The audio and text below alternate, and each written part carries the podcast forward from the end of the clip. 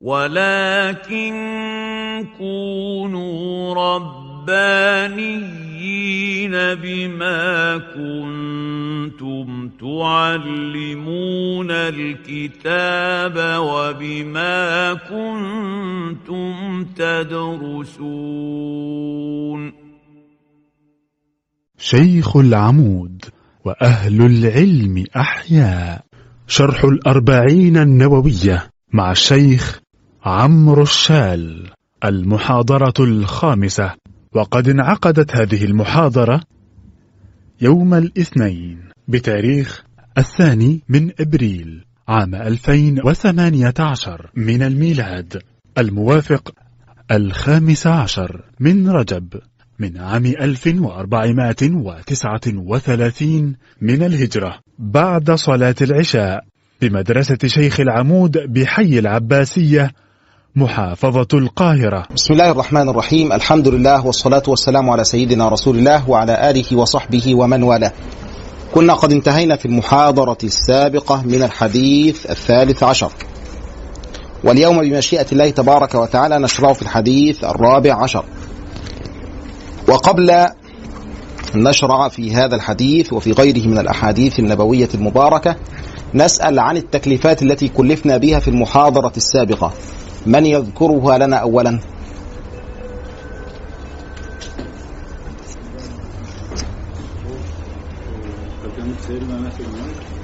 ده كان أحد التكليفات ترجمة سيدنا أنس بن مالك إيه تاني من التكليفات؟ نعم. ترجمة الصحابي الجليل سيدنا أبي هريرة. إيه كمان؟ ترجمة الصحابي الجليل سيدنا عبد الله بن عمر. إيه كمان؟ ثلاث تكليفات فقط. كان في سؤال من هم العبادله الاربعه حد جاب ثلاثة تقريبا. آه. طيب من عمل أو من قام ب يعني تجهيز هذه التكليفات إحنا هنسأل بقى عن التكليفات الراوي الحديث اللي إحنا هناخده لا واللي فات ده يعني خلاص اللي فات مات ماشي ما هو ده ده ده ده شق اللي هو يعني ما كلفنا به قبل ذلك لا ينفي التكليف في المستقبل ولا إيه؟ يعني هل هناك ما يمنع ذلك؟ طيب مشايخنا مين عمل التكليفات؟ اتفضلي يعني ما عملتش عن سيدنا أبو طب عملت عن إيه؟ طب اتفضلي قولي.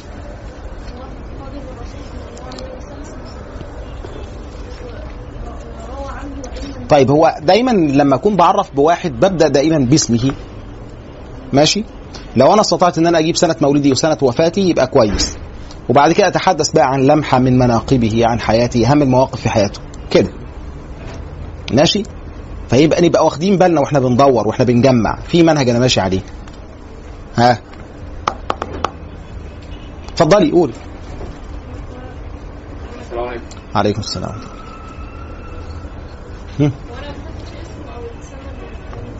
طيب قولي اللي بعد كده. طب مين يعرف اسم سيدنا أنس؟ هو اسمه أنس. ها حد يعرف؟ ما حدش. سيدنا أنس بن مالك. أخو مين؟ سيدنا زيد بن مالك. تبقى أمه مين؟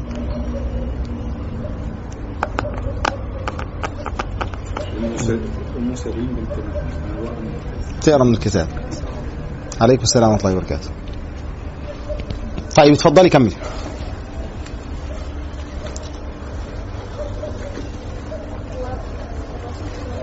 طب الصوت بس عشان الناس تسمع اللي هنا دي ناس متشوفة وكلها عليه وسلم نعم.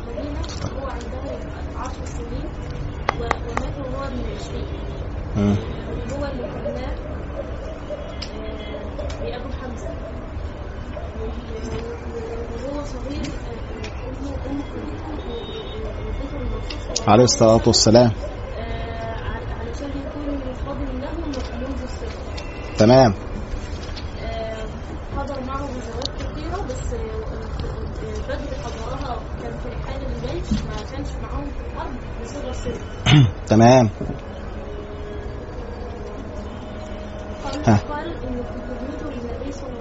الصلاة والسلام. كان آه، لم يضربه ولم يصده ولم يعبث في يعبث في وجهه قط. ما كانش بيكشر تمام. وهو الحديث المشهور اللي هو خدمت النبي صلى الله عليه وسلم عشر سنين. فما قال لي أف قط. وما قال لشيء صنعته لما صنعته. ولا لشيء تركته لما تركته.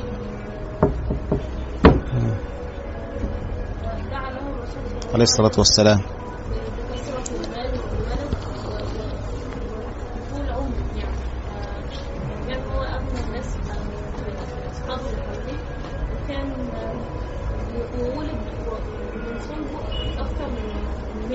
تمام الله يفتح عليك.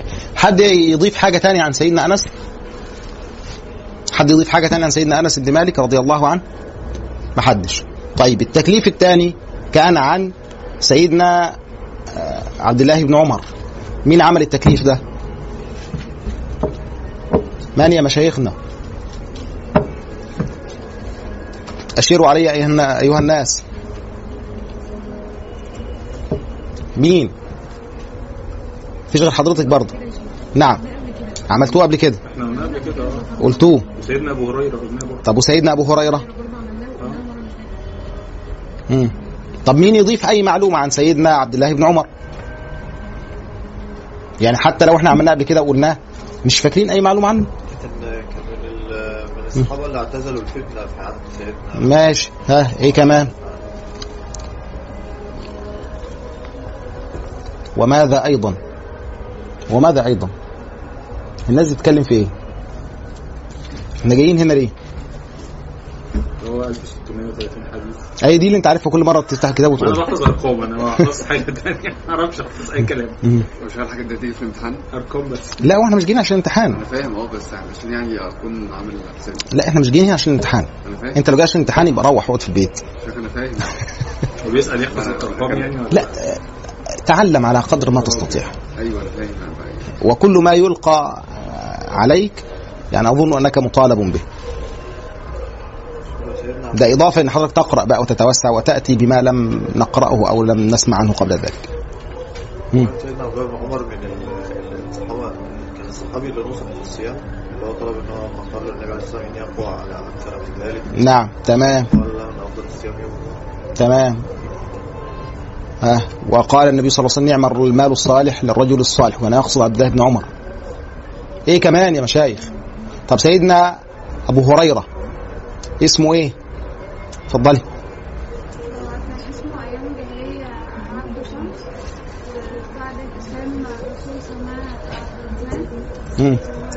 اسمه إيه بقى؟ عبد الرحمن إيه؟ عبد الرحمن بن صخر.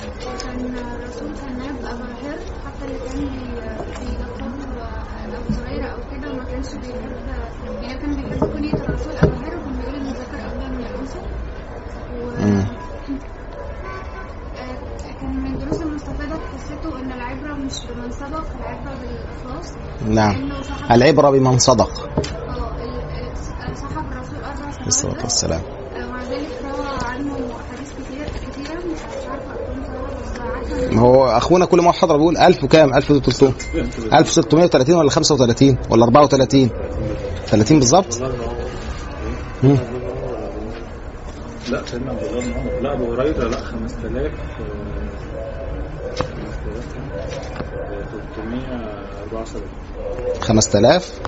5374 حديث. تمام. إيه كمان؟ ورغم إن هو كان صاحبه أربع سنين بس بس اتشهر بخلقه لدرجة إن هو كان ليه حوالي 800 واحد. كان كان بي- بيعيش مع أهل الصفه في مسجد الرسول. آه، دول ناس كانوا مشهورين بالفقر و- لأن هم كانوا متقربين للعباده العباده والعلم آه، لدرجة إن هو سأل الرسول في مرة مين اسعد الناس بشفاعتك فهو قال له حديث كده معناه اللي هو آه، يعني ما كانش مستني حد يسبقه بالسؤال ده غير أبو هريرة. وقال له إن أسعدهم من قال اشهد ان لا إله إلا الله. وان محمد رسول الله؟ بصدق طيب الله يفتح عليك. تمام. كويس. طيب اليوم بمشيئة الله تبارك وتعالى نشرع في الحديث الرابع عشر. عن ابن مسعود رضي الله عنه قال قال رسول الله صلى الله عليه وسلم لا يحل دم امرئ مسلم إلا بإحدى ثلاث الثيب الزاني والنفس بالنفس والتارك لدينه المفارق للجماعة. رواه البخاري ومسلم. تفضلوا نقرأ. هذا الحديث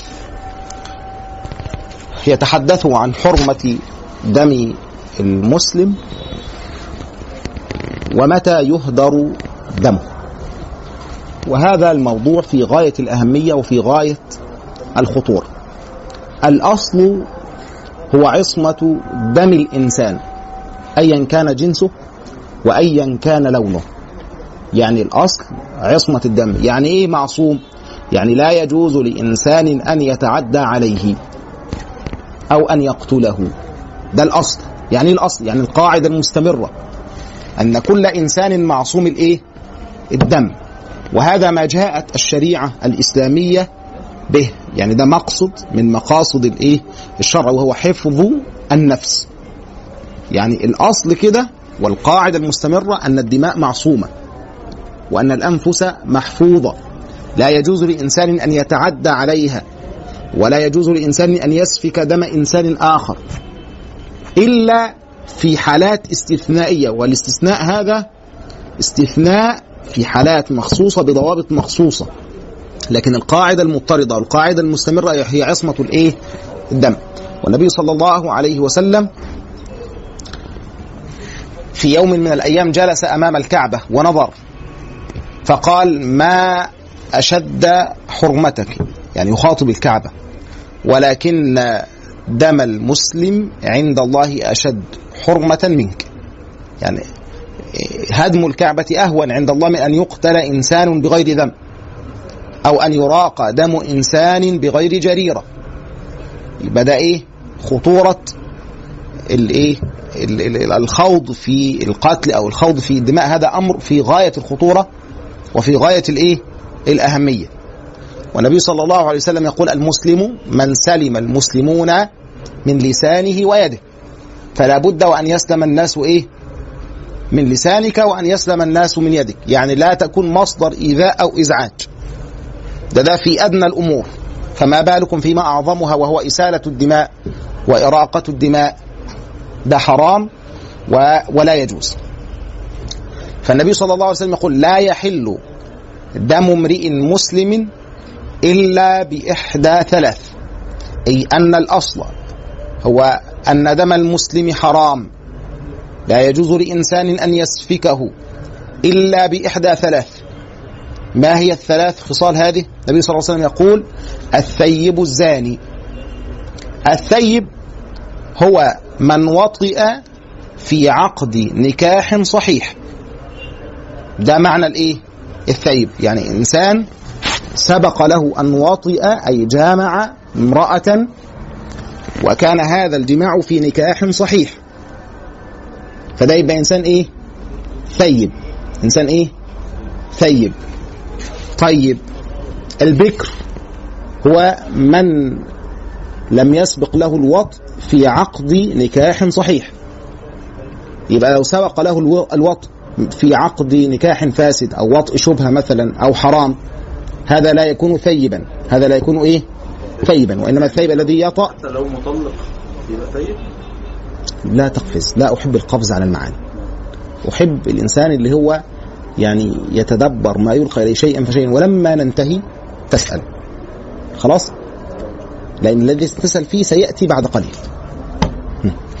يبقى قلنا الثيب هو من وطئ في عقد نكاح إيه؟ صحيح. فمن وطئ في عقد نكاح فاسد أو في غير عقد نكاح لا يكون ثيبا. ماشي؟ طيب هل يشترط اللي هو استمرار الزواج؟ ولا لو وطئ في عقد نكاح صحيح ثم طلق أو ماتت زوجته وبعد ذلك وقع في الحرام؟ هذا يكون ثيبا. هذا يكون إيه؟ ثيبا. وإن لم يكن متزوجا حال وقوعه في الإيه؟ في المعصية أو حال ارتكابه جريمة الإيه؟ الزنا. ماشي يا مشايخ؟ طيب. فالثيب هذا الذي سبق له الوطء في عقد نكاح صحيح إذا زنى أي جامع امرأة لا تحل له فإن هذا الجماع يكون موجبا لحد هذا الحد هو الرجم حتى القتل. رجم حتى الإيه؟ القتل. يبقى ده أول سبب يبيح قتل الإيه؟ الإنسان. اولا لابد وأن نعلم أن الحدود أو هذه الأحكام ليست موكولة لآحاد الناس. يعني مش أي حد هو الذي يقوم بإنفاذ هذه الحدود. وإنما الذي يقوم بها هو الحاكم الدولة الحكومة الحاكم. هو المنوط به إقامة هذه الحدود. ولا توكل إلى الأفراد لأنها لو أسندت إلى الأفراد لعمت الفوضى المجتمع. ولا حدث ولا حدث بقى هرج ومرج بين الايه؟ بين الناس هيبقى تبقى فوضى خلاص لكن المسؤول عن ذلك هو الايه؟ الحاكم فده أول سبب يبيح للإيه؟ يبيح للحاكم أو يبيح للمجتمع أن يسفك دم إنسان طيب بعض الناس يرى إن العقوبة ديت فيها شيء من الشدة أو الغلظة لو فهمنا العقوبة في سياق الإسلام وفي نظام الإسلام ككل نفهم أن الإنسان الذي يرتكب هذه المعصية مع ما يسره الإسلام وما شرعه الإسلام لتنظيم هذه العلاقة يعلم أن هذا إنسان شاذ عن المجتمع وشاذ عن الفطرة السوية. لأن الإسلام منع أي علاقة بين الرجل والمرأة ومنع كل ما يؤدي إلى الحرام من النظرة المحرمة أو الخلوة أو الكلام أو غير ذلك. كل هذا منعه الإسلام. وفي المقابل يسر سبل الزواج ودعا إلى تيسيرها وعدم تعقيد أمور الزواج. وهذا يعني ولم يقف عند تيسيره لأمر الزواج فقط بل إذا كان الزواج الإنسان يحتاج إلى أكثر من زوجة أباح له ذلك إذا كان يجد في نفسه القدرة على ذلك وكان يستطيع أن يعدل بين الزوجتين أو الزوجات.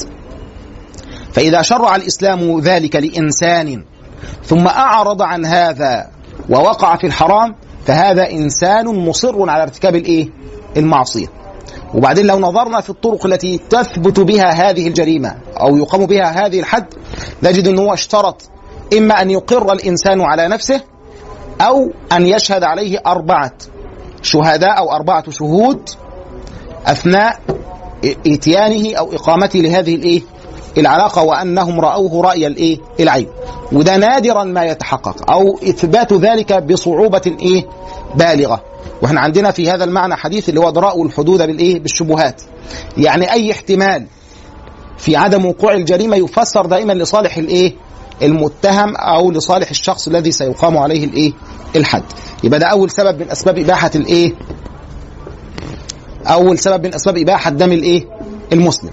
اللي هو الثيب الإيه؟ الزاني. طيب اللي إحنا بنسميه المحصن. طب غير المحصن اللي هو لم يسبق له الزواج له عقوبة دون ذلك يا هذه تعرف في باب الحدود في الفقه الاسلامي لكنه لا يباح دمه ولا يقتل بذلك. الأمر الثاني هو النفس بالنفس.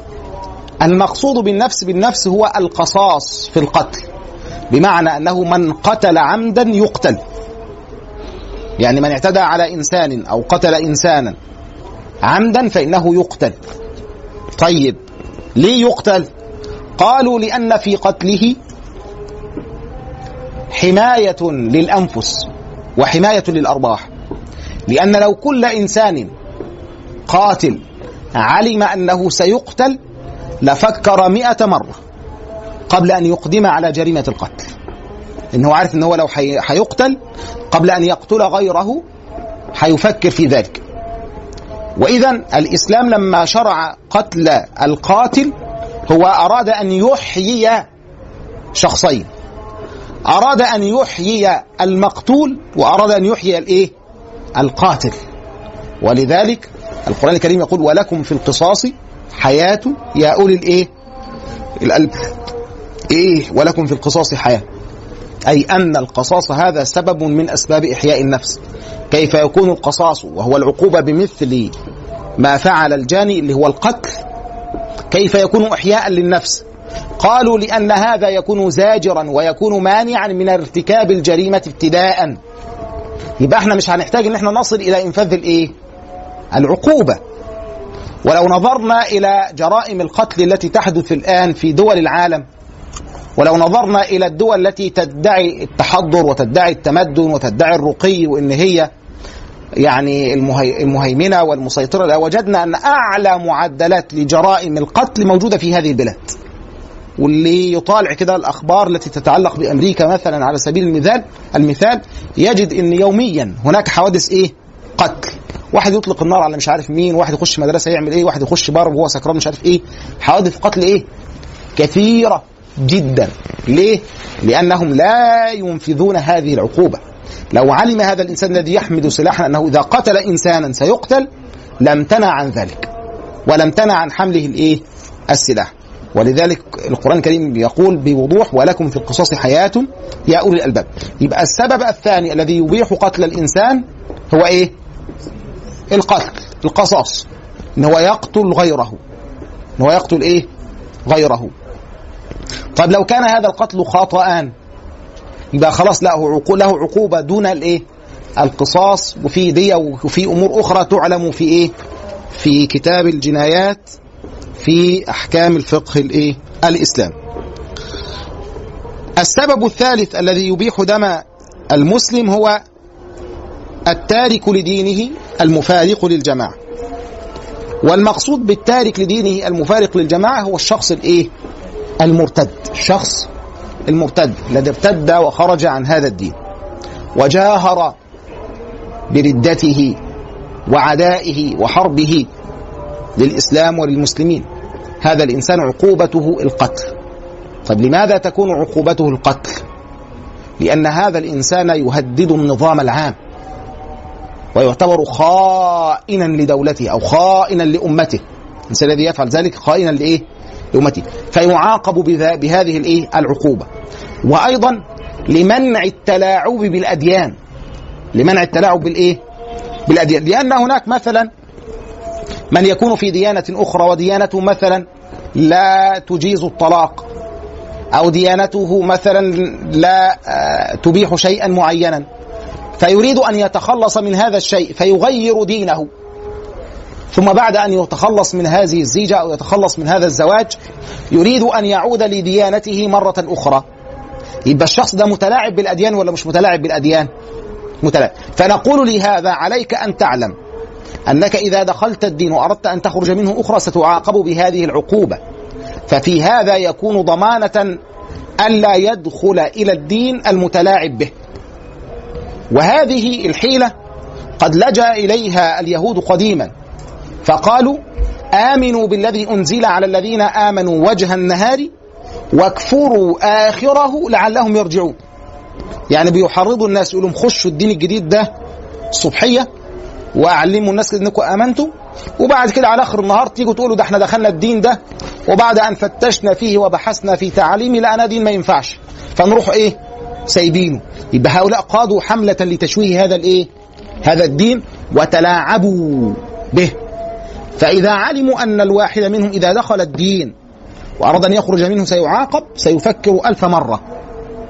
وهذا يكون في الشخص المعلن الذي يجاهر بذلك. طب لو الإنسان بينه وبين نفسه بيفكر بقى ويدرس ده ويخش ده ويطلع ده أنت حر. أنت إيه؟ حر. لكن أما أن تجاهر بذلك وأن تعلن عن هذا فهذا فيه إضرار للمجتمع وفيه إضرار للأمة وفيه إضرار للدولة فيمنع هذا.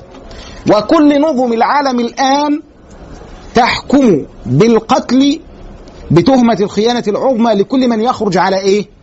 على نظامها حتى وإن كان هذا النظام نظاما وضعيا من صنع البشر وليس من صنع الله سبحانه وتعالى فإنهم يعاقبون كل من تثبت خيانته الخيانة العظمى يعاقبونه بالإيه؟ بالقتل وأشد الدول الآن تحضرا تفعل هذا وتفعل هذا بكل إنسان يهدد أمنها ويهدد نظامها حتى وإن لم يكن تابعا لدولتها أو لإيه؟ أو لأمتها بحجة أنها تدافع عن إيه؟ عن سيادتها وتدافع عن إيه؟ عن هيبتها. ثم بعد ذلك نجد من ينتقص الإسلام ومن يلمزه ويقول إن الإسلام يكره الناس على الدين وهذا زعم أو فهم خاطئ لأن الإسلام من حقائقه المقررة لا إكراه في الدين هذه حقيقة إيه؟ مقررة يعني أنه لا يجبرك أحد على دخول الدين. لك أن تختار ما شئت ولك أن تؤمن بما شئت. القرآن الكريم يقول من شاء فليؤمن ومن شاء فليكفر. من شاء فليؤمن ومن شاء فالإيه فليكفر. لك أن تختار ما شئت. لكن إذا دخلت هذا الدين قبل أن تعلن ذلك عليك أن تعلم أنك إذا التزمت به فستلتزم بكل أحكامه وستطبق عليك إيه؟ أحكامه. ولا بد أن تكون على بينة من ذلك. يبقى في هذا ضمانة ومنع للتلاعب بالإيه؟ بالأديان هو ده هو السبب الإيه؟ الثالث الذي يبيح قتل دم الإيه؟ الإنسان الإيه؟ المسلم. طب واحد يقول طيب بالنسبة الموقف إيه لغير المسلم؟ غير المسلم إذا كان يعيش في بلاد الإسلام تطبق عليه أحكامه ما دام أنه رضي أن يعيش فيها وأن يلتزم بقانونها. لأن كل إنسان يعيش في دولة ويقبل بالتواجد على أرضها هذا إقرار منه بأنه تطبق عليه قوانينها وأحكامها وتشريعاتها فلا يستثنى من ذلك المسلمون انت لو سافرت النهارده إلى أي دولة من الدول أو أي مكان من الأماكن بتطبق عليك قوانين هذا الإيه؟ البلد شئت أم أبيت. كذلك إذا كنت في أرض المسلمين فإنه تطبق عليك أحكامهم وتطبق عليك قوانينهم. وكما قلنا المسؤول عن ذلك هو من؟ هو الإيه؟ الحاكم. يبقى هو ده الحديث الإيه؟ حديث الكام؟ الرابع عشر. طيب غير المسلم كذلك معصوم الدم. لا يجوز التعدي عليه ولا يجوز سفك دمه ولا يجوز قتله إلا إذا كان مقاتلا للمسلمين أما إذا لم يكن مقاتلا للمسلمين فإنه يعامل بالبر والقسط والإحسان كما أمرنا بذلك القرآن الكريم حد عنده سؤال في هذا الحديث تفضل. حضرتك ذكرت يا شيخ إن الثايب الزاني ده اللي هو بيقام عليه حد القتل واللي بيقيم عليه الحد هي الدولة. في حالة ان لو كان في أربع شهود أو اللي هو راح يتعرف على نفسه. طب الشخص ده يعني لو افترضنا إن هو آه، مفيش أربع شهود هل له توبة؟ في كل الأحوال له توبة. مم. في كل الأحوال له توبة. خلاص؟ يعني من وقع أو اقترف شيئا من ذلك وتاب تاب الله عليه. حتى وإن لم يقر وإن لم يعترف. والإسلام يدعوه أن يستتر بستر الله عليه ولا يفضح نفسه. ماذا عن المرأة؟ ما النساء شقائق الرجال؟ طيب آه، ما يقال في شأن الرجال يقال في شأن النساء. سؤال كمان أخير بس. آه، النفس بالنفس. نعم. مين اللي بي بيقوم بال باخذ الحق يعني آه، كما قلنا الحاكم الدولة. وإذا لم تفعل. الحاكم والدولة. ولا يجوز لأحد الناس أو أفراد الناس أن هم يباشروا ذلك.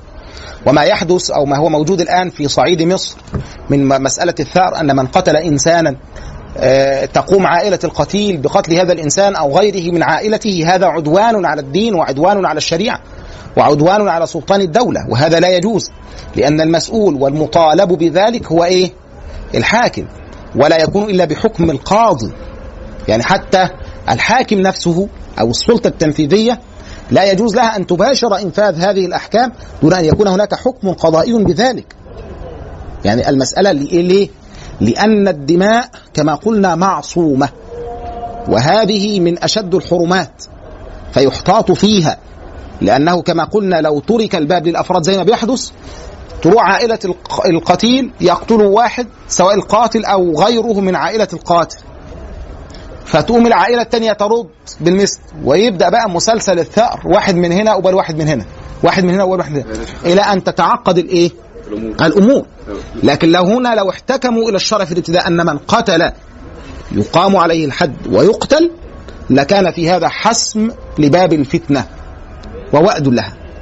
لو كانت الدولة بتطبق كده يعني لا، الدولة تفعل هذا. إذا توافرت ال ال ال ال الأدلة كاملة وكانت يقينية يحكم بالإعدام هم. تفضل. الحاجة الثالثة تارك ولدين من مفارقة الجماعة هنا يعني ده يعني سبب يعني بحس إن هو لو لو حد والده والدته مسلمين مثلا وهو يعني آمن بأي فكرة تانية أو بعدم وجود إله أو أو أو, أو. بس هو هيضطر إن هو يسكت ويكتم في نفسه علشان أو يراجع نفسه كتير ودي حاجة كويسة إن هو يقعد حتى يراجع نفسه لغاية ما يموت مم. وممكن يخش الجنة بجهاد إن هو يعني عايز يوصل للحقيقة وكده.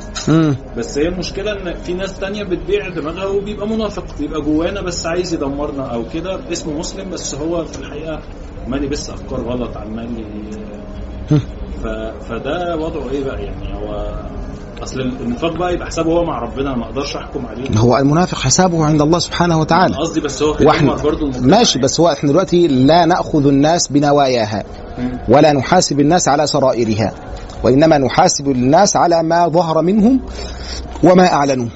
طب هو أضمر في نفسه الكفر أو الشرك؟ الله سبحانه وتعالى هو الذي سيحاسبه. لكن إحنا بقى مش هنعمل بقى محاكم تفتيش ونبحث عن نوايا الناس وانت تقصد إيه وأنت في نيتك إيه؟ لا هذا لا يجوز هذا ليس في الإسلام. حد عنده سؤال تاني؟ اتفضلي.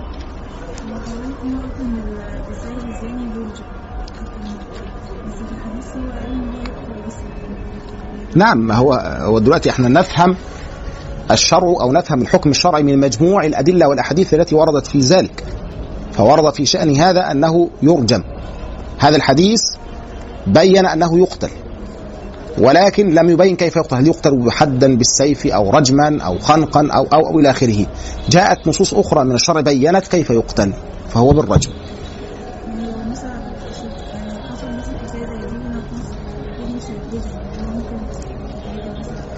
إحنا الآن بنتحدث عما جاء به الشرع وعن أحكام الشرع ولا نتحدث عما هو قائم أو واقع. ماشي؟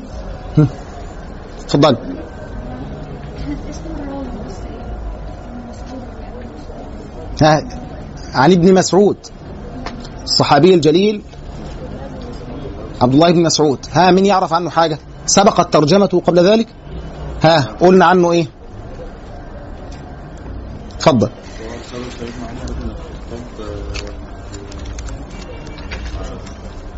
عمر بن ياسر. وزيرا في العراق. امم حكم مشايخنا. حكم إمارة الكوفة امم إيه كمان؟ وعلم الحديث وتوفي آه، سنة 58 هجرية. امم وعنده 60 عام مين يعرف تاني حاجة عن سيدنا عبد الله بن مسعود؟ اتفضل. تمام. لدقة ساقيه. نعم. أتعجبون من دقة ساقي ابن. الله يفتح عليك. تمام. إيه كمان؟ حضرتك عايز تضيف إيه؟ لا لا أنا اتلخبطت ما بينهم حضرتك طيب تمام. ها حد عايز يضيف حاجة؟ اتفضل.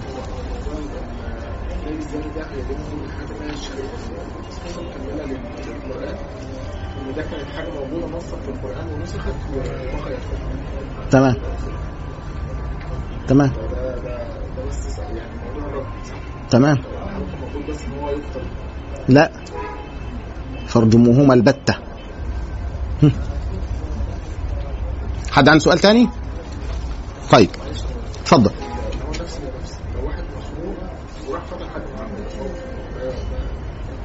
ده بقى له تفصيل بقى في كتب الفقه. لو كان متعديا بسكره يحد. لو كان غير متعد بسكره لا. لا يحد لكن هناك عقوبات أدنى. يعني إذا لم يثبت القصاص لا ينفي أن هناك عقوبة أدنى من القصاص. ماشي؟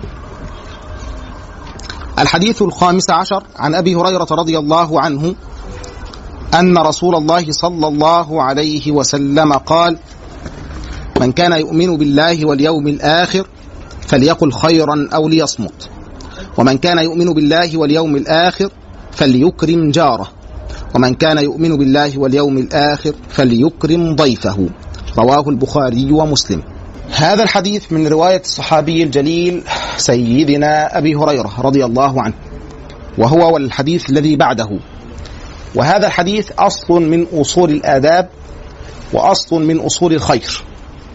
يعني الإمام أبو محمد ابن أبي زيد إمام المالكية بالمغرب في زمنه يقول جميع آداب الخير تتفرع من أربعة أحاديث. قول النبي صلى الله عليه وسلم من كان يؤمن بالله واليوم الآخر فليقل خيرا أو ليصمت. وقوله صلى الله عليه وسلم من حسن إسلام المرء تركه ما لا يعنيه. وقوله صلى الله عليه وسلم للذي اختصر له الوصية لا تغضب. وهذا حديث سيأتي معنا. وقوله صلى الله عليه وسلم لا يؤمن أحدكم حتى يحب لأخيه ما يحب لنفسه. يبقى هذه الأحاديث الأربعة تتفرع منها كل خصال الخير وتتفرع منها كل الإيه الأداب إيه الأحاديث الأربعة؟ ها من كان يؤمن بالله واليوم الآخر فليقل خيرا أو ليصمت. ها حسن إسلام المرء تركه ما لا يعنيه. لا تغضب. أحدكم حتى يحب لأخيه ما يحب لنفسه. في أربعة أحاديث. هذه هي أصول الإيه؟ الخير وجميع آداب الخير تتفرع من إيه؟ من هذه. من هذه الأحاديث الأربعة.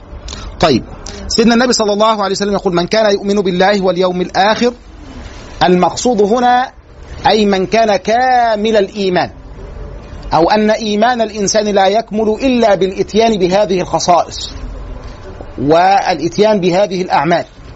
كما قال النبي صلى الله عليه وسلم في حديث الإيمان بضع وسبعون أو بضع وستون إيه؟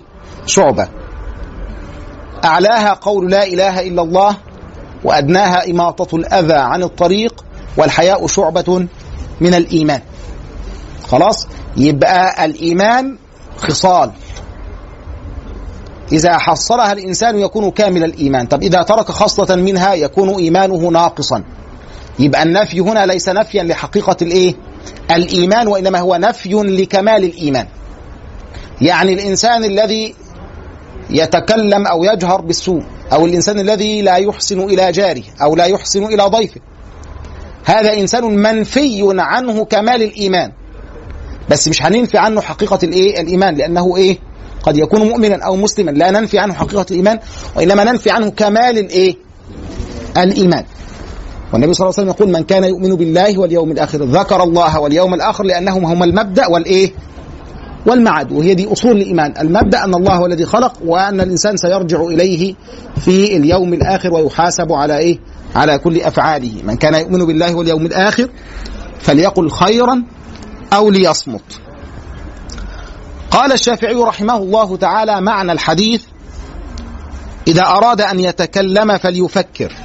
يعني الإنسان قبل أن يتكلم يفكر مش يتكلم كده وخلاص شغال ما بيفصلش لا. إذا أراد أن يتكلم فليفكر. فإن ظهر أنه لا ضرر عليه تكلم. وإن ظهر أن فيه ضررا أو شك فيه أمسك.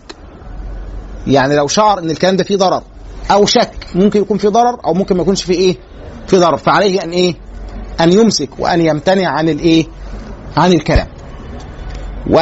ولسان الإنسان لا يمل من العمل ولا يمل من الك... من الكلام. ده من أكثر الجوارح نشاطا اللي هو الإيه؟ اللسان. وقد يكون هذا الكلام موردا للإنسان موردا للهلكة. يعني ده يكون سبب من أسباب الإيه؟ الهلاك. الكلام إما أن يكون بغيبة أو نميمة أو انتقاص من أحد أو استهزاء أو كلام بالباطل أو أو أو إلى آخره. فالإنسان يبحث اولا الموضوع الذي سيتكلم فيه ده موضوع مناسب حلال ما فيهوش حاجة محرمة فيه نفع وليس فيه ضرر يتكلم. طيب لو كان فيه ضرر أو أو أو أو إلى يبقى لا يتكلم. طيب شك محتار. يبقى الأولى الإيه؟ المنع. الأولى الإيه؟ المنع. ف حتى كبار علماء التربية والتصوف والسلوك يقولون أن الصمت وقلة الكلام هذه من أهم الخصال التي ينبغي لسالك الطريق أن يتحلى بها أو أن يلتزم بها. الصمت وقلة الإيه؟ الكلام. ولو فكر الإنسان في كل الكلام الذي يقوله أنه مكتوب عليه وأنه سيسأل عنه لأمسك عن كثير من الإيه؟ من الكلام. يعني شوف الكلام اللي إحنا قاعدين من أول ما الإنسان بيصحى من النوم الصبحية لحد ما يأوي إلى فراشه في المساء. تكلم بكم كلمة وقال كم جملة وقعد قد إيه يتكلم. كل هذا الكلام مكتوب عليك وكل هذا الكلام ستحاسب عليه لو فكر الإنسان في ذلك لكان الصمت له غنيمة. الصمت إيه؟ مغنم. الصمت مغنم. إلا إذا كان الكلام في الخير يعني كتعليم العلم أو طلب العلم أو ذكر الله تبارك وتعالى أو شهادة حق. فكل هذا الإنسان لا يصمت ولا يتكلم فيه. لأنه نسب إلى أبي علي الدقاق أنه قال من سكت عن الحق فهو شيطان أخرس. وأثر هذا الكلام عن غير واحد من العلماء الكبار. قالوا من سكت عن الحق فهو شيطان إيه؟ أخرس. يبقى الإنسان المفروض الصمت المقصود هنا في الحديث الصمت عن الحرام أو عن اللغو الذي لا فائدة منه. يعني مجرد كلام ما منوش أي فايدة يبقى الأولى الإنسان إن هو إيه؟ يصمت. مش قاعدين بقى مع بعض ود ود ود ود يتكلم. والجماعة البنات بقى أول ما بتقابلوا كده ويقعدوا في مكان المجالس بتاعتهم بقى يخش بقى يا أختي شفت فلانة وشفت علانة وده عمل وده عملت وده راح وده جه. ولا يملون من الكلام. لا يبقى الإنسان عليه أن إيه؟ أن يصمت. ولذلك لا سيما لما يكون في فتن كده وفي أزمات. يقولون هذا زمان السكوت ولزوم الإيه؟ البيوت. هذا زمان السكوت ولزوم الإيه؟ قالوا يبقى الإنسان عليه إن هو دائما قبل أن يتكلم أن يفكر فيما إيه؟ فيما يقول. ومن فقه الرجل قلة كلامه فيما لا يعنيه. يبقى ده كده إيه؟ من كان يؤمن بالله واليوم الآخر ها؟ فليقل خيرا أو ليصمت. يبقى إذا تكلمت فتكلم بالخير. طب إن لم يكن كلامك خيرا فعليك أن إيه؟ تصمت. فإن كلامك في الخير تؤجر عليه وصمتك عن الشر تؤجر عليه. يبقى المسلم كده ينبغي إذا تكلم غنم وإذا سكت سلم. ده حال الإيه؟ المسلم. أنه يغنم في كلامه ويغنم في إيه؟ في سو أو يسلم في إيه؟ في سكوته وقديما قالوا إذا كان الكلام من إيه؟ من فضة فإن السكوت من إيه؟ من ذهب. وكم من إنسان أودى به لسانه. وكان واحد يقول كلمة تبقى هي ديت يعني إيه؟ طارت فيها عنقه. وأقيل من منصبه. ومش عارف عملوا فيه إيه وخلوا فيه إيه؟ بسبب إيه؟ كلمة. لأن الإنسان محاسب عما يقول. والقرآن الكريم يقول ما يلفظ من قول إلا لديه رقيب عتيد. يا جماعة ده في سورة قاف مش في يهود ولا في العنكبوت ولا حاجة. في سورة قاف ما يلفظ من قول ما يلفظ من قول طيب. ثم قال النبي صلى الله عليه وسلم بعد ذلك ومن كان يؤمن بالله واليوم الآخر فليكرم جاره.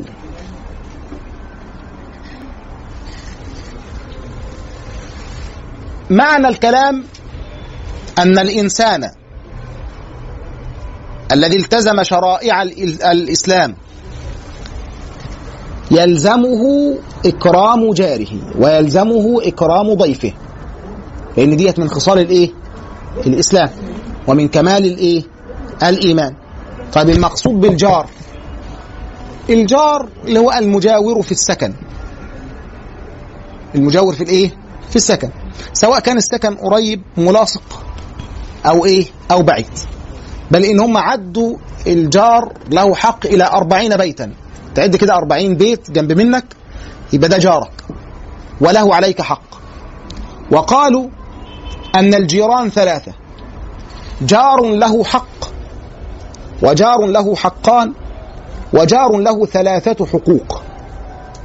يعني في جار هيبقى له حق في جار يبقى له إيه؟ حقين. في جار له ثلاثة إيه؟ حقوق. الجار الذي له حق هو الجار غير المسلم. لك جار مثلا يهودي أو مسيحي أو بوذي أو كونفوشيوسي جارك.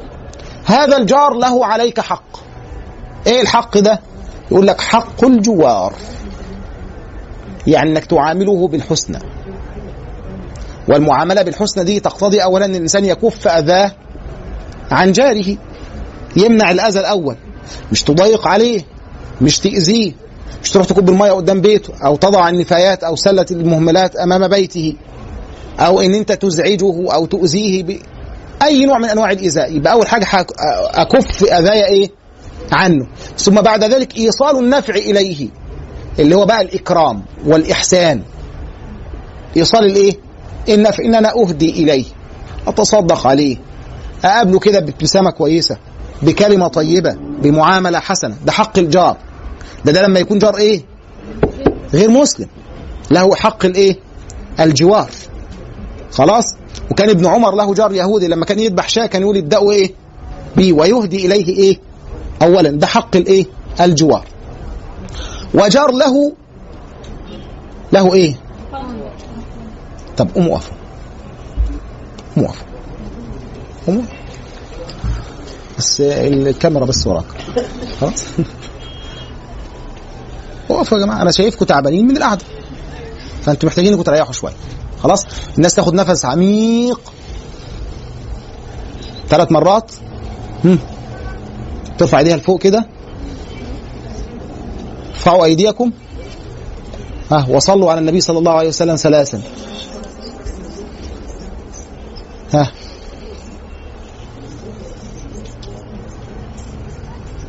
الناس بقى تاخد نفس عميق ومحدش طلعه. محدش طلع النفس. اجلسوا.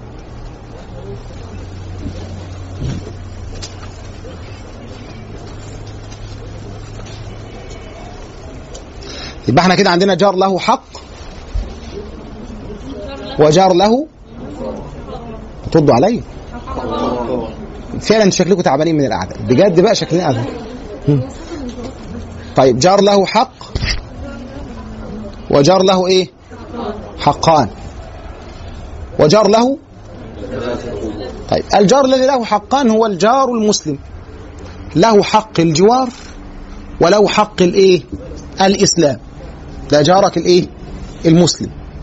وجار له ثلاثة حقوق وهو القريب المسلم. هيكون له حق الجوار وحق الإسلام وحق الإيه؟ القرابة. وحق الإيه؟ القرابة. يبقى الإنسان كده دائما يحسن إلى إيه؟ إلى جاره ويمنع أذاه عن جاره. طيب من كف الأذى عن الجار إنك لا تتتبع عورته. لا تنظر إلى محارمه. لا تنظر إلى إيه؟ إلى محارمه. والعرب قديما كانوا يعني يعتنون بحق الجار. يعني الجوار ده له له عندهم مكانة وقدر. إذا كنت جارا لإنسان فهذا الجوار له حرمة. فكانوا يحافظون عليها وعنتره ابن شداد يقول وأغض طرفي. الطرف اللي هو البصر أو النظر. وأغض طرفي إن بدت لي جارتي حتى يواري جارتي مأواها. ده ده مين؟ عنترة قبل مجيء الإيه؟ الإسلام. بيقول إن أنا إذا ظهرت جارتي كده في فناء بيتها أغض طرفي ولا أنظر إيه إليها. حتى يواري جارتي مأواها يعني حتى تدخل إلى مكان إيوائها فتستتر إيه به. ده ده الإيه؟ الإنسان العربي قبل أن يأتيه الإيه؟ الإسلام. في حين النهارده إن الإعلام يصور على أن الإنسان إذا تربص بابنة جاره أو زوجة جاره وأقام معها علاقة يسمونها علاقة عاطفية أو غرامية وهي علاقة محرمة يعدون ذلك من البطولة. ويصدر على أنه شيء كده من الإيه؟ من المغامرة وشيء من الإيه؟ من الشهامة ويقدموا هذا بأسلوب يعني وكأنهم يحضون الناس على ذلك أو يبررون للناس فعل إيه هذا الأمر يقول لك بنت الجيران وابن الجيران وشباك الجيران وبير السلم وفوق السطوح والقصص اللي إحنا بنشوفها في الأفلام والمسلسلات الهابطة التي تهدم القيم وتقوض الأخلاق. العربي في جاهليته كان خيرا من هؤلاء. كان بيقول وأغض طرفي إن بدت لي جارتي حتى يورج إيه؟ جارتي مأواها. ده كذلك من حق الإيه؟ الجار إنك ما تأذيهوش. إن حضرتك ما تغيبش بقى مشغل بقى الراديو أو المذياع أو الأغاني ولا حتى القرآن ومعلي الصوت. واللي جنب منك مش عارف لا ينام ولا عارف يذاكر ولا عارف يعمل. ده ما ينفعش. يبقى الجوار له له حرمة وله إيه؟ حق. وأن الإنسان الذي يحافظ على جاره ويحسن إليه ويك ويكرمه هذا إنسان كامل الايمان طب الإنسان الذي لا يفعل ذلك ويؤذي جاره هذا إنسان ناقص الإيه؟ الإيمان. والنبي صلى الله عليه وسلم قال والله لا يؤمن والله لا يؤمن والله لا يؤمن. قيل من يا رسول الله؟ قال من لا يأمن جاره بوائقه. البوائق هي الدواهي والشرور أو الغشم.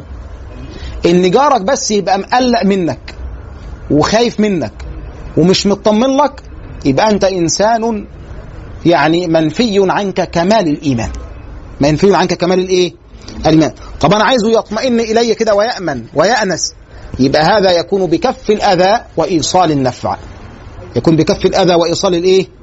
وإيصال النفع. وده أمر طيب كان موجود إلى حد إلى عهد قريب وإلى ولا يزال موجود في بعض الأماكن. يعني إن الجيران كان يبقى في شيء كده من الود الناس تتهادى الناس تتزاور الناس تتراحم فيما بينها فيما بينها. أما الآن فكل واحد ألهته حياته عن الآخرين.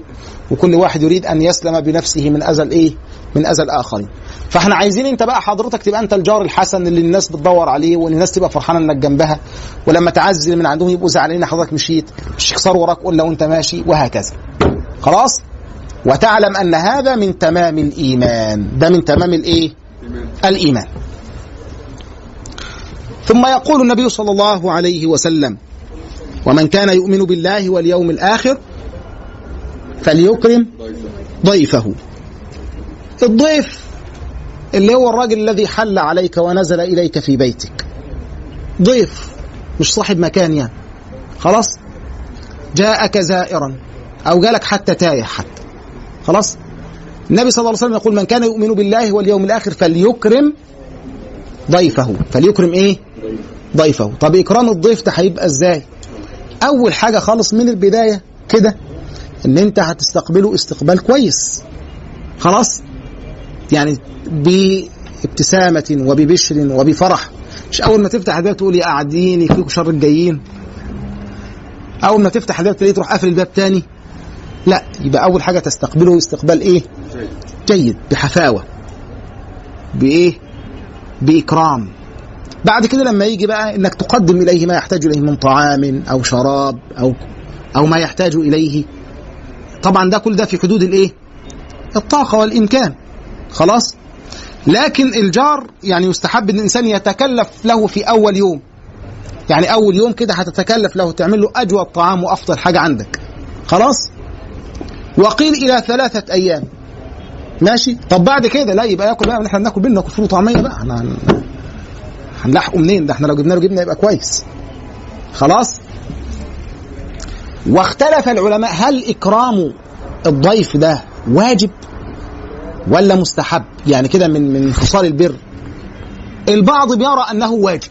البعض بيرى أن ده إيه؟ واجب. يعني إيه واجب؟ يعني الإنسان لو امتنع عنه يكون آثما. طب قالوا ده هيبقى واجب على أهل البوادي ولا على أهل الحضر؟ ولا على الاثنين الإمام الشافعي رضي الله عنه يرى أن إكرام الضيف واجب على أهل البادية وعلى أهل الحضر. يعني لو أنا عديت على الناس في البادية في الصحراء كده يجب عليهم إن هم يكرموني. هم جم عندي هنا في الحضر يجب علي أن إيه؟ أن أكرمهم. طب البعض الآخر قال بأنه يجب على أهل البوادي فقط. الله طب ليه؟ ليه المعاملة ال- ال- ال- العنصرية دي توجبه على أهل البوادي ولا توجبه على أهل الحضر ليه؟ قالوا لأن الإنسان في الحضر يستطيع أن يجد أماكن الإقامة ويجد الأسواق التي يشتري منها. فمش هيبقى إيه؟ محتاج لهذا. طب الإنسان بقى إذا كان في صحراء وتمر على بادية مفيش. مفيش إلا هم. خلاص يبقى إكرامك واجب إيه؟ عليهم. خلاص؟ لكن إحنا بنقول في الجملة أن هذا من مكارم الأخلاق.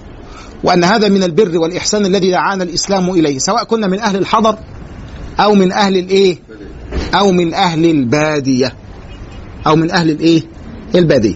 كذلك الإنسان يأمر بالإحسان إلى الضيف وإلى إكرامه وإلى تقديم سبل الرعاية والعون له. وفي المقابل برضه بيطلب من الجار ان هو يبقى راجل خفيف كده يعني. يروح على قدر الحاجة ما يروحش بقى يقعد وإيه؟ ويبلط بقى عند الناس ويضيق عليهم إيه؟ معاشهم ويضيق عليهم أحوالهم. ماشي يا مشايخنا؟ يبقى كده الحديث ده من لا ده من أصول الآداب ومن أصول البر والإيه؟ والأخلاق الحسنة. وهو قول النبي صلى الله عليه وسلم من كان يؤمن بالله واليوم الآخر فليقل خيرا أو ليصمت ومن كان يؤمن بالله واليوم الآخر فليكرم جاره ومن كان يؤمن بالله واليوم الآخر فليكرم ضيفه. ما الذي يستفاد من هذا الحديث؟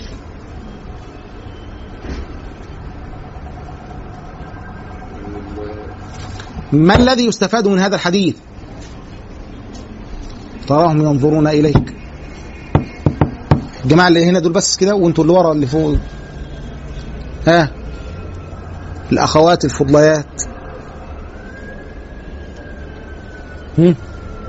ما الذي يستفاد من هذا الحديث؟ ما الذي يستفاد من هذا الحديث؟ نعم. هم؟ ما الذي يستفاد من هذا الحديث؟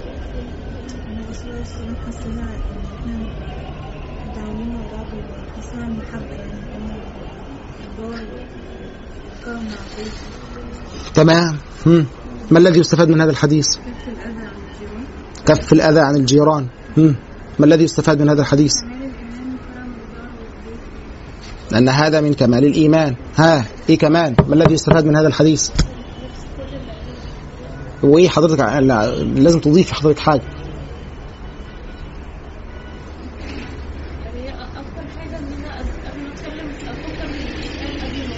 تمام تمام. إيه كمان حضرتك. آه والله. حفظ حقوق الجار. هم. إيه هي بقى حقوق الجار دي؟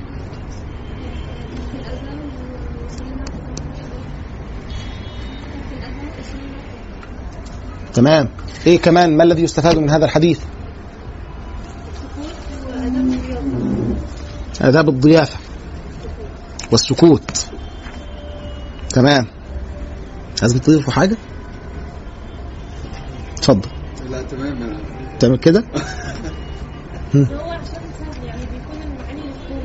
طيب ماشي ما إحنا عايزين نعرف إيه هي المعاني المفهومة دي بس. ما هو السهل الذي فهمتموه من هذا الحديث؟ اتفضل. إن الإيمان بالله واليوم الآخر يا شيخ فعلا مرتبط بحاجات إحنا ممكن نكون شايفينها بسيطة جدا لكن مم. هي زي ما قلت كده حاجات مهمة جدا. تمام. الله يفتح عليك. ها؟ يعني الواحد كان بيقرأ في الكتب في كتب كلمة كده يقول لك حسن الخلق. من تمام العقيدة. مم. كأن في رابط بين الأفكار والأفعال يعني الأفكار لو سليمة والإيمان لو سليم فده بينطبق ويطلع في الأخلاق وفي ال- السلوك يعني تمام تمام. الله يفتح عليك. إيه كمان؟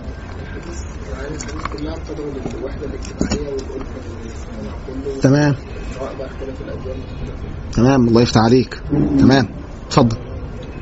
هو ذكر اليوم الآخر بس من الحاجات اللي هو دايما بتتقال جنب جنب ربنا اللي هي الملائكه والكتب والرسل وقال اليوم الآخر بس عشان يقول إن حسابنا يوم القيامة مترتب على أفعالنا وعلى أخلاقنا طول حياتنا. تمام الله يفتح عليك. إيه كمان؟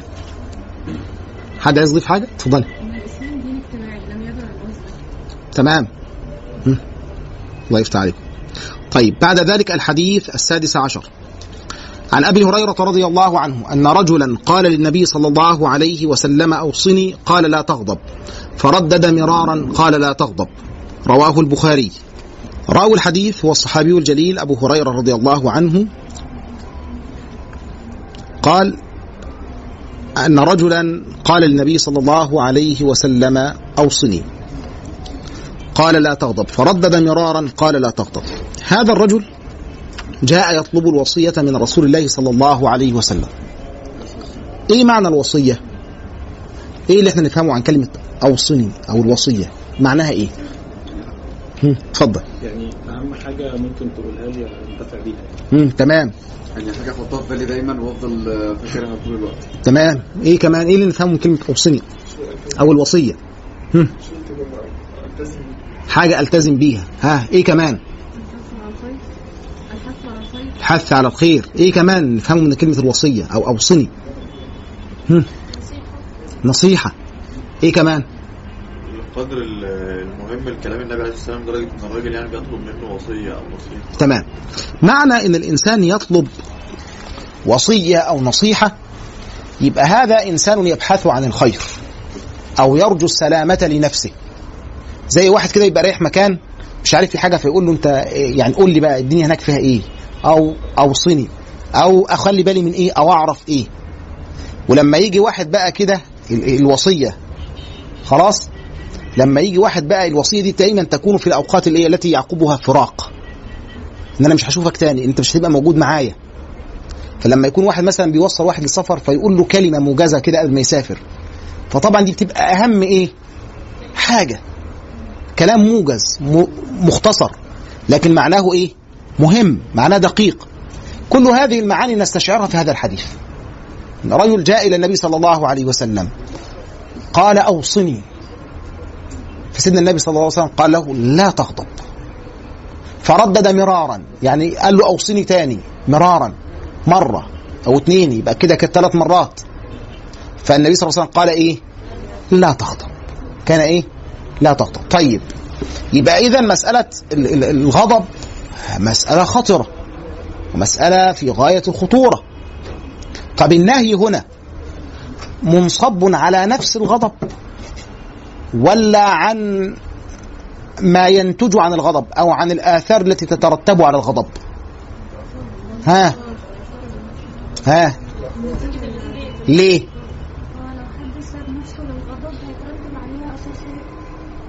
طب النبي صلى الله عليه وسلم كده ينهونا أو أو ينهانا عن الغضب نفسه ولا ينهانا عن الفعل أو الأثر الذي يترتب على الغضب؟ طب والغضب؟ أيوه. الله يفتح عليك. لأن الغضب ده أمر جبلي فطري. إن أنا آجي كده وأروح متمطع ولهفك بالقلم وحضرتك ما تغضبش لا يبقى أنت كده إنسان فاقد للإيه؟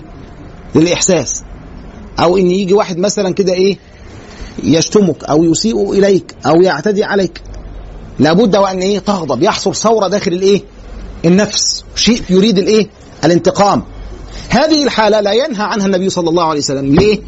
لأنها أمر إيه؟ جبلي فطري. طب سيدنا النبي بينهانا عن إيه؟ ينهانا عن أثر ذلك. لما أكون غضبان بقى هو ضربني هروح إيه؟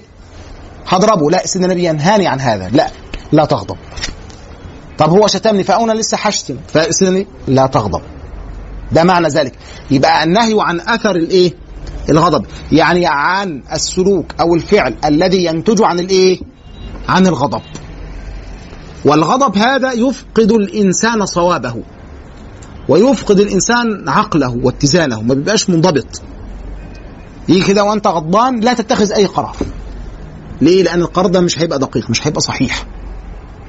ما تتخذش أي تصرف لأنك ربما تندم على هذا التصرف. وأنت غضبان تضرب واحد أو تشتم واحد أو تسيء إلى واحد فيكون هذا سبب إنك خسرت هذا الإنسان إلى الإيه؟ إلى الأبد. أو إنك ارتكبت شيء تعاقب عليه أو أو إلى آخره. يبقى الإنسان سن النبي إيه؟ يريد أن يعيش الناس في أمن وفي سلام. فيقول لك إذا اعتدي إليك أو أسيء إليك أو أو أو لا تنفذ هذا الغضب. لا تنفذ هذا الإيه؟ هذا الغضب. طب الإنسان عليه إن هو يعني يتخلص من هذا إزاي؟ سيدنا النبي أرشدنا بجملة أمور جاءت في أحاديث متفرقة. منها أن الإنسان إذا كان قائما فليجلس. لو أنت بقى غضبان كده ومتزرزر بقى وواقف وبتاع كانت اقعد خلاص؟ أو إذا كنت جالسا فالإيه؟ يضجع. يبقى أنت بتغير من الهيئة والحالة التي أنت عليها. وكذلك إن الإنسان عليه إن هو إيه؟ يتوضأ. لأن الغضب من الشيطان. والشيطان خلق من النار. ولا يطفئ النار إلا الإيه؟ إلا الماء. طب إن الإنسان يذكر الله سبحانه وإيه؟ وتعالى. فده يهدئ من غضب الإيه؟ الإنسان. إن الإنسان يتحول عن المكان اللي هو فيه. هم في البيت ولا حاجة شتموك ولا ضربوك ولا بتاع الكلام ده ما تقعدش بقى تجر في شكلهم. سيب ال- المكان اللي انت فيه وروح مكان تاني. يبقى ده من شأنه إن هو يقلل الإيه؟ الغضب. يبقى هذه جملة أمور من الممكن أن يتعامل الإنسان مع الغضب من إيه؟ من خلالها وكلها تستند إلى وصية رسول الله صلى الله عليه وسلم لا تغضب. والغضب كما قلنا أمر يهلك الإيه؟ النفس ويحجب العقل ويحجب حتى ال- ال- ال- البصيرة والبصر. لا يستطيع الإنسان إن هو يتبين الخطأ من الصواب بسبب الإيه؟ بسبب الغضب. فالإنسان عليه أن يضبط نفسه وأن يضبط سلوكه وتصرفه حال الإيه؟ الغضب. فهذه هي وصية رسول الله صلى الله عليه وسلم لهذا الإيه لهذا الصحابي الجليل أو لهذا الرجل الذي طلب منه الإيه الوصية. ما الذي يستفاد من هذا الحديث؟ عدم الغضب. عدم الغضب يعني ما نغضبش خالص يبقى الواحد كده أنا مش فاهم يعني أنا اغضب ولا ما اغضبش آه، يبقى أنت ما خدتش بالك من بالك كلام مين يرد عليه؟ ها اتفضلي. ما غضبتش. لا الغضب اللي هو الثورة الداخلية أو الشعور الداخلي الشر لا ينهاك عنه لأن ده أمر جبلي ستغضب. خلاص؟ وتشعر بشيء من الغضب. لكن الشر ينهاك عن إنفاذ هذا الغضب. إن أنا أحول الغضب ده من طاقة داخلية بقى إلى فعل إلى كلام أو إلى تصرف باليد أو انتقام. فيقول لك لا تنفذ غضبك. ما تنفذش هذا الإيه؟ الغضب. ماشي؟ لا سيما إذا كنت قادرا على إنفاذه. يعني النهي النهي عن الغضب أو عن إنفاذ الغضب ده عند القدرة على إنفاذه. طب أنت لو مش قادر على إنفاذه لا اغضب بقى ولا تغضبش اخبط دماغك في الحيط. لأنك لا تملك أن تفعل شيئا. خلاص؟ ف... وده بقى النبل. أن الإنسان إذا كان قادرا على إنفاذ غضبه ويستطيع أن ينتقم ممن آذاه أو ممن تطاول عليه ويكف نفسه عن ذلك ويمنع نفسه من هذا هذا هو نبل الأخلاق. وده حسن الإيه؟ حسن الخلق. هو ده بقى الإيه؟ ال- ال- ال- ده بقى الشدة.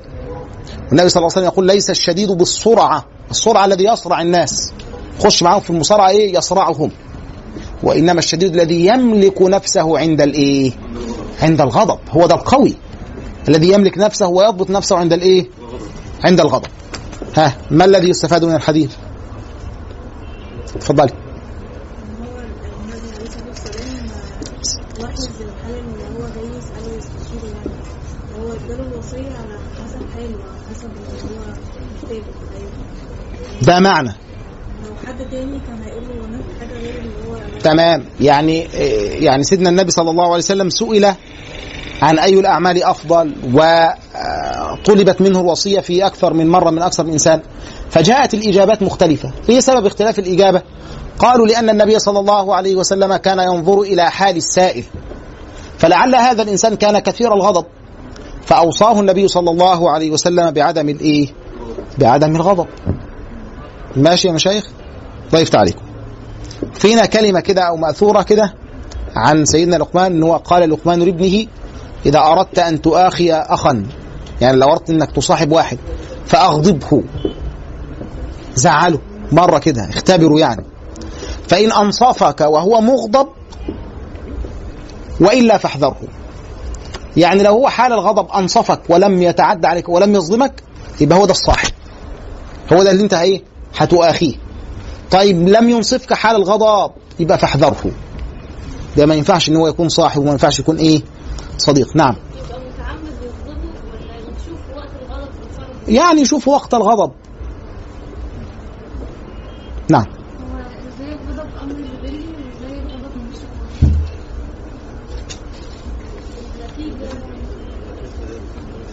أمر جبلي يعني فيه شيء من الخلقة. يعني خلقة الإنسان وطبيعة الإنسان وتكوينه فيه هذا الشيء.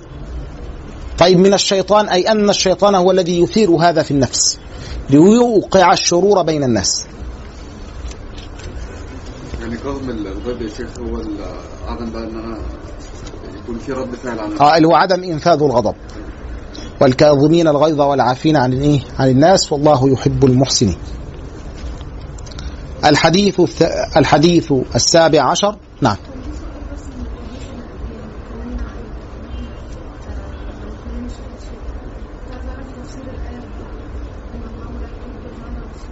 لا هي لا يحب الله الجهر بالسوء من القول إلا من ظلم. يعني إن الإنسان لا يجهر بالسوء إلا إذا ظلم الإنسان وأراد أن يرفع الظلم عن نفسه. فجهر بهذا السوء الذي حدث من غيره فجهر به. يبقى هنا الإنسان لا شيء عليه. لا لا لا. هو معناه يرفع أمره لمن ير لمن يتوسم فيه أن يدفع عنه هذا السوء. ماشي؟ عن أبي يعلى شداد بن أوس رضي الله عنه عن رسول الله صلى الله عليه وسلم قال إن الله كتب الإحسان على كل شيء فإذا قتلتم فأحسنوا القتله وإذا ذبحتم فأحسنوا الذبحه وليحد أحدكم شفرته وليرح ذبيحته رواه مسلم. هذا الحديث من الأحاديث الجامعة. وهو قول النبي صلى الله عليه وسلم إن الله كتب الإحسان على كل شيء. يعني الإنسان مطالب بالإحسان في كل إيه؟ في كل أموره. في مطعمه ومشربه في ملبسه في كلامه في فعله في قوله في كل حاجة حواليك أنت مطالب بالإيه؟ بال- بالإحسان. طب الإحسان ده إيه؟ الإحسان ده أن يبلغ الإنسان بالعمل أو بالشيء منتهاه. من الإتقان ومن الجودة. يبقى إحنا كده مطالبين مطالبون بالإيه؟ بالإحسان في كل شيء. الله كتب الإحسان على كل إيه؟ على كل شيء. وقد مر معنا ذكر شيء من الكلام عن الإحسان في الحديث الحديث الثاني اللي هو حديث الإيمان والإسلام والإيه؟ والإحسان. خلاص؟ فالحديث ده وكأنه يتمم المعنى. إن الله كتب الإحسان على كل شيء. طيب يبقى عدم الإحسان والإساءة والعشوائية والهرجلة اللي إحنا عايشين فيها وحياتنا الغير منظمة كل هذا ليس من الإسلام وليس من الدين في شيء. ليس من الإسلام وليس من الدين في إيه؟ في شيء. إنما الدين يدعونا أو يطلب منا الإحسان في كل إيه؟ في كل شيء. ثم ذكر الحديث بعض الأمثلة أو النماذج التي يطلب فيها الإحسان. وقد يتصور الإنسان أن هذه الأشياء أبعد ما تكون عن الإحسان. فيقول إيه؟ إذا قتلتم فأحسنوا القتلة. إذا قتلت ستقتل حيوانا. أول حاجة لا يجوز إنك تقتل أي حيوان لأي سبب. بل الحيوان الذي ثبت ضرره أو إيذاؤه هو ده الذي يقتل. طب ما عدا ذلك لا يجوز قتله. يعني واحد ماشي في الغابة كده الحيوان اللي بيقابله بيقتله أو يصطاده لا يجوز ذلك. إلا إذا كان يصطاده ليطعم لحمه أو ليستفيد بشيء من فروه أو شيء أو أي منفعة من المنافع. طيب ما عدا ذلك؟ لا يجوز. ما عدا ذلك إيه؟ لا يجوز. طيب جاز قتل هذا الحيوان سواء ل... ل... للإنسان إن هو ينتفع بشيء منه أو لإيذائه مثلا. قال لك فعليك أن تحسن القتلة. طب هأحسن القتلة إزاي؟ لا أعذبه بالقتل. لا أقتله بطريقة فيها شيء من الإيه؟ من التعذيب وإنما أقتله بشيء كده إيه؟ ينهي حياته ولا يعذبه. فما نقعدش بقى نصعقه بقى بالكهرباء كده ونعذبه لحد ما يموت. أو إن إحنا نقعد نسلخه وهو حي. أو نعلقه كده ونسيبه متذنب إلى أن يموت. أو إن إحنا نولع فيه. كل هذا إيه؟ لا يجوز. إذا قتلتم فأحسنوا الإيه؟ فأحسنوا القتلة. يبقى أنت تقتله بطريقة لا تعذبه ولا تؤلمه بها. إذا قتلتم فأحسنوا الإيه؟ القتلة. وإذا ذبحتم فأحسنوا الذبحة. الإنسان هيذبح حيوان مأكول اللحم عشان إيه؟ ياكله. طيب إذا ذبحت هذا الحيوان عليك أن تحسن الذبح. طب إحسان الذبح إزاي؟ الفقهاء ذكروا جملة من الآداب في كتب الفقه. قال لك أول حاجة إن أنت تطعمها وتسقيها قبل أن تذبحها. تعرض عليها الطعام والشراب قبل أن تذبح عشان ما يبقاش في نفسها حاجة قبل ما إيه؟ ما تذبح. ماشي؟ الأمر الثاني إنك تقودها إلى الذبح أو إلى الموت قودا إيه؟ جميلا برفق. مش بقى ترهبها بقى وتخش وطاخ وضرب في صراع؟ لا. سيدنا عمر مرة من المرات رأى رجلا يسحب شاة من رجلها ليذبحها وبيقودها كده بعنف. فسيدنا عمر قال له ويحك قدها إلى الموت قودا إيه؟ جميلا. قدها إلى الموت قودا إيه؟ جميلا. يبقى بالراحة الأمر الثاني إنك ما تذبحش واحدة قدام الأخرى حتى لا تسبب لها فزعا. أنت كده تذبحها مرتين. إنك تذبح واحدة أمام الإيه؟ أمام الأخرى. الأمر الثاني إنك تضجعها برفق. وإنك تتعهد آلة الذبح اللي هي السكين وأن تكون حادة. تبقى إيه؟ حادة. بحيث إن هي تقطع ولا ولا تسبب لها إيه؟ ألم. خلاص. ثم بعد ذلك انت لا تقطع شيء من جلدها أو لحمها إلا بعد أن تفارق الحياة تماما. شوف كل هذه آداب في التعامل مع مين؟ مع الحيوان. فما بالك بالتعامل مع الإنسان؟ الإسلام بقى يبقى شرعه وشرعه إيه وشكله إيه؟ يبقى كل من يدعو إلى العنف وإلى القسوة وإلى التدمير والتفجير وترويع الناس والتعدي عليهم بالقتل أو الضرب أو غيره كل هذا ليس من الإسلام في إيه؟ في شيء. ليس من الإسلام في إيه؟ في شيء. والنبي صلى الله عليه وسلم يقول إذا قتلتم فأحسنوا القتلة وإذا ذبحتم فأحسنوا الذبحة وليحد أحدكم شفرته. الشفرة اللي هي الإيه؟ السكينة أو الحاجة اللي هيذبح بيها. وليرح ذبيحته. هذه هي وصية النبي صلى الله عليه وسلم. يقول لك إن الله كتب الإحسان على كل إيه؟ على كل شيء. ها. ما الذي يستفاد من هذا الحديث؟ مين. الجماعة لسه بيفكروا. ها ما الذي يستفاد من هذا الحديث؟ آه حضرتك والله. الإيه؟ الإحسان في كل شيء. ماشي.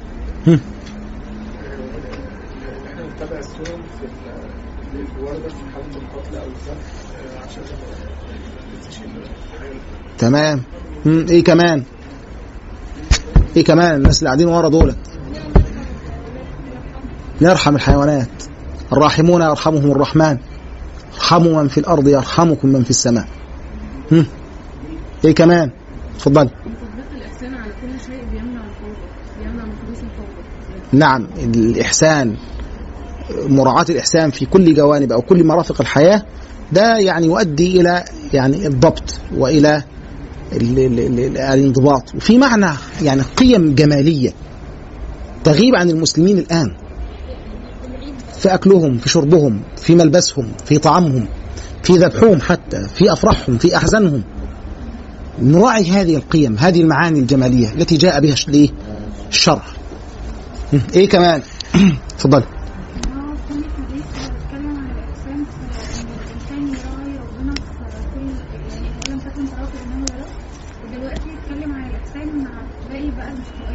كل يعني ذكر جوانب تطبيقية للإيه؟ للإحسان. نعم. إيه كمان؟ إيه كمان؟ هم. ما الذي يستفاد من الحديث؟ في عمله ايا كان العمل يعني. إتقان العمل وإجادة العمل. ده نوع من الإحسان. إيه كمان؟ هم. اشيروا علي أيها الناس. تفضل. الرحمة يا شيخ. الرحمة. الرحمة. الرحمة حلو. الرحمة عملوا لها قناة.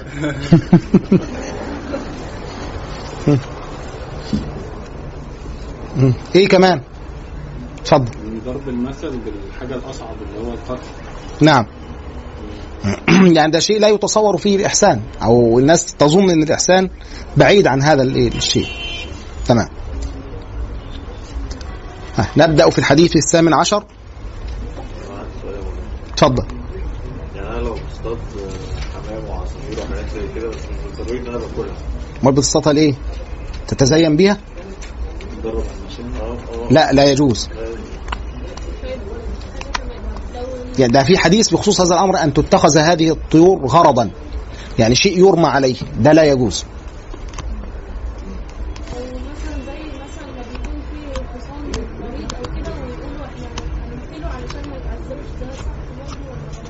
لا مسألة القتل الرحيم لا يوجد عندنا شيء اسمه القتل الرحيم. ما عندناش.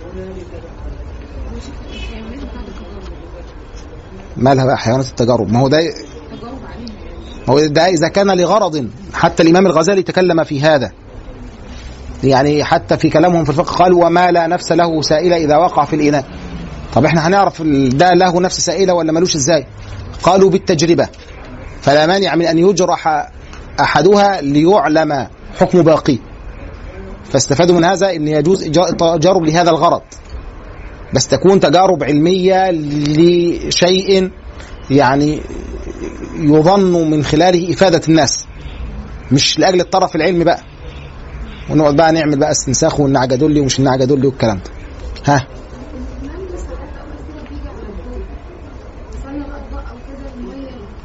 إذا تحقق منه الإيذاء فيجوز قتله.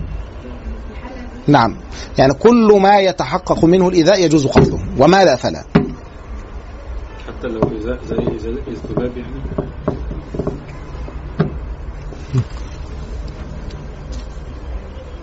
عن أبي ذر جندب بن جنادة وأبي عبد الرحمن معاذ بن جبل رضي الله عنهما. عن رسول الله صلى الله عليه وسلم قال اتق الله حيثما كنت وأتبع السيئة الحسنة تمحها وخالق الناس بخلق حسن.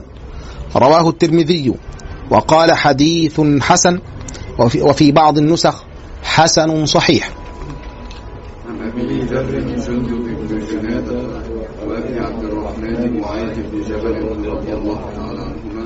عن رسول الله صلى الله عليه وسلم قال اتق الله حيثما كنت وأتبع السيئة الحسنه تمحها وخالق الناس بخلق حسن.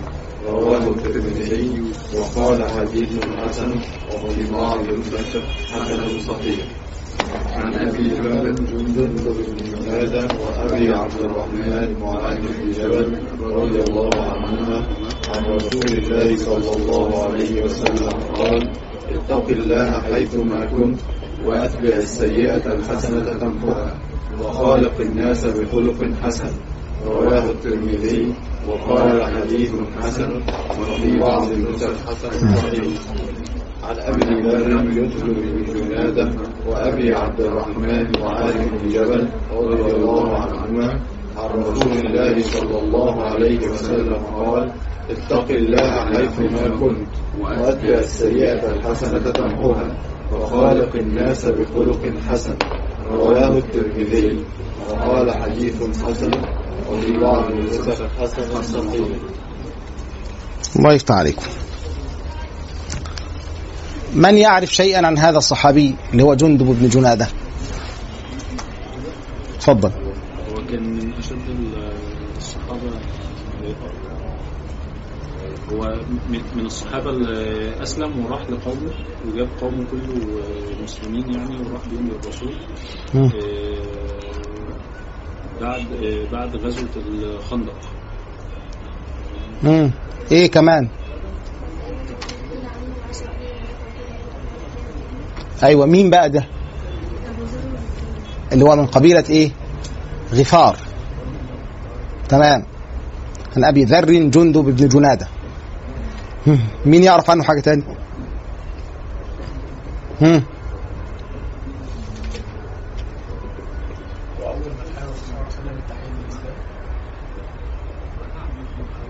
جبتها منين دي وسط الغابة هم. بيقول إيه بقى؟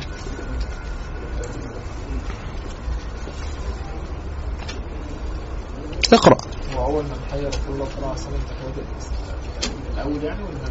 من الأول يا سيدي ولا تزعل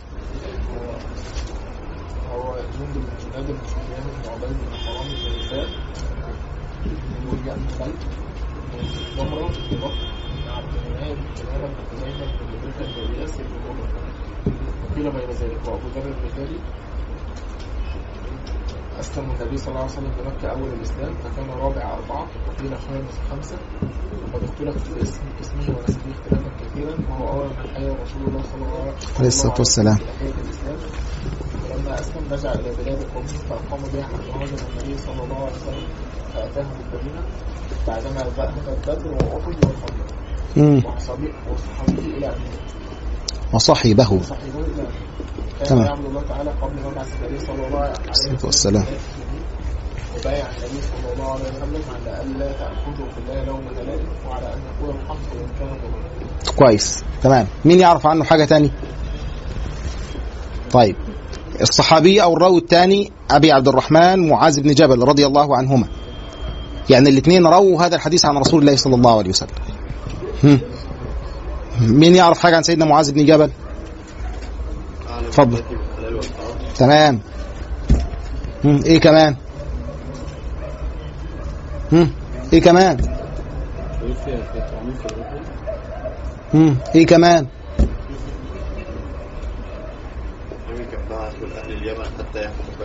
حتى يقضي بينهم تمام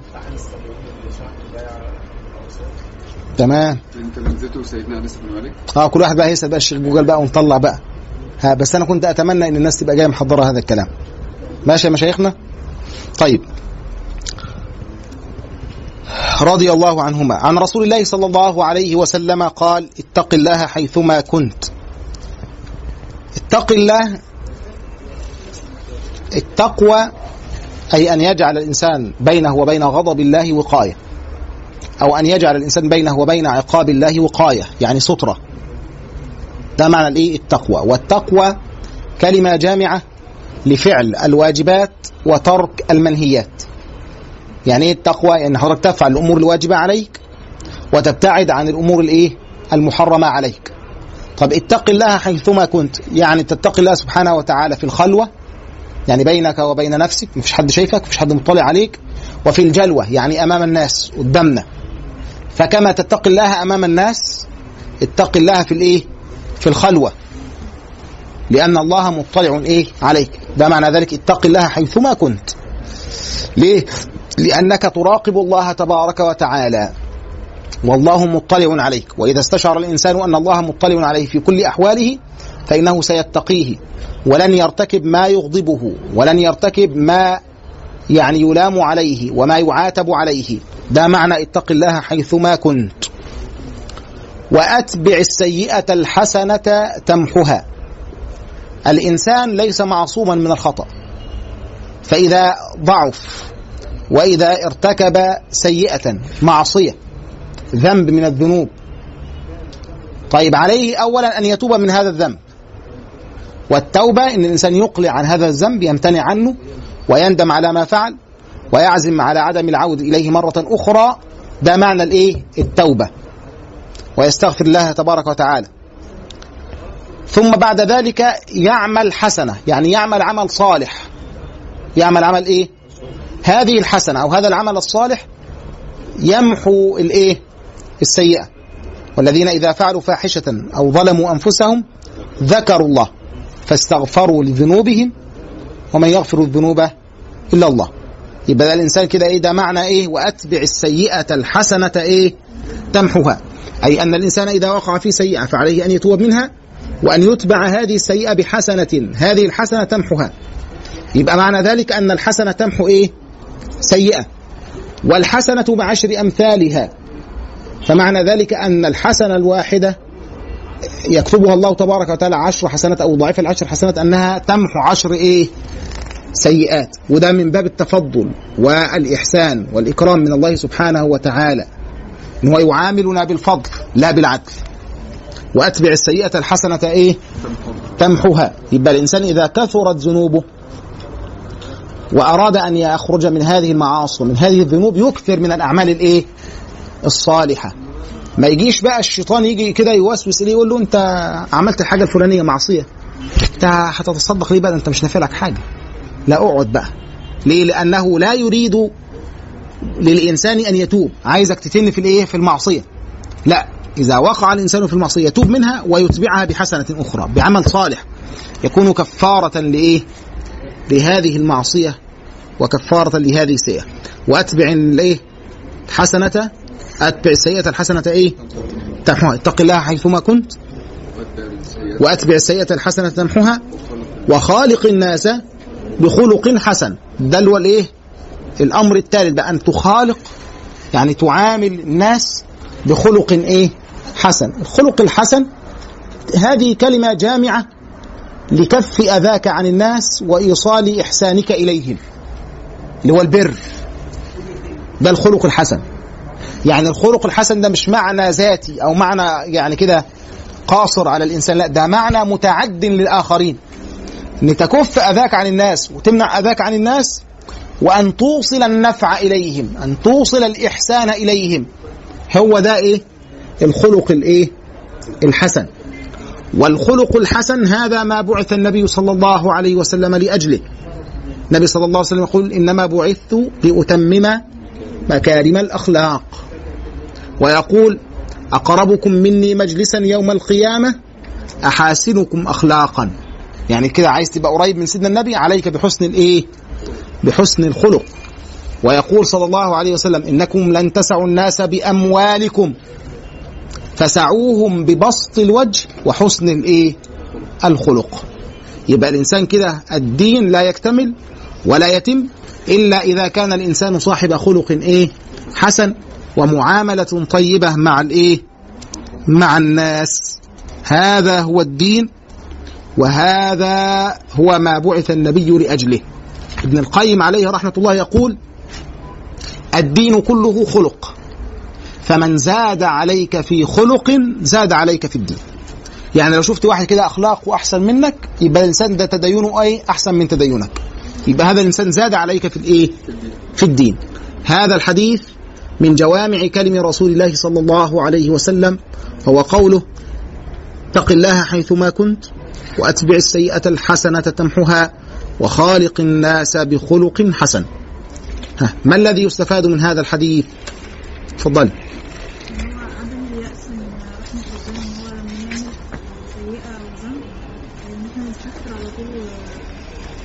تمام. الإنسان لا ييأس من رحمة الله. قل يا عبادي الذين أسرفوا على أنفسهم لا تقنطوا من رحمة الله. إن الله يغفر الذنوب جميعا. ها إيه كمان؟ ما الذي يستفاد من الحديث؟ مشايخنا. تفضل. تأكيد لمعنى الإحسان. تفضل. كنت هتقول تواردت الخواطر. تفضل تدور على الكلام والاخلاق وان هو المجتمع الألفة بنت المجتمع كله بتاعه تمام الله يفتح عليك. إيه كمان؟ ما الذي يستفاد من الحديث؟ تفضل. الله عز وجل. تقوى الله عز وجل. مالها آه، آه، يعني استفدت من الحديث إن الواحد يعني آه، يتقي ربنا في كل حاجة. يعني الواحد إن أنا لو حسيت بوجود ربنا حواليا في كل مكان في كل وقت هتفرق. تمام. إيه كمان؟ نعم. مش نزاحم ده إحنا هنمحوها. هنمسحها بأستيكة. بفعل الحسنات. كويس. اتفضل. هل معنى إن ال- الحسنة بتمحو السيئه إن السيئة خلاص بتتم- ب- بتتشال خالص آه تمحى. تمحى إن شاء الله. تمحى وتزال بإذن الله. وده كرم من الله سبحانه وتعالى ولطف بنا. اتفضل ها، حد عايز يقول حاجة تاني؟ اتفضل. يعني. فيها سرعه فيها أتبع آه فيها شيء من اللي ما تنتظرش. ده أتبع على طول. وقعت يبقى تأتي بالإيه؟ بالحسنة. كويس. إيه كمان؟ طيب كويس. هذا وصلي اللهم وسلم وبارك على سيدنا محمد وعلى آله وصحبه وسلم. هو الذي بعث في الأميين رسولا منهم يتلو عليهم آياته ويزكيهم ويعلمهم الكتاب والحكمة وإن كانوا من قبل لفي ضلال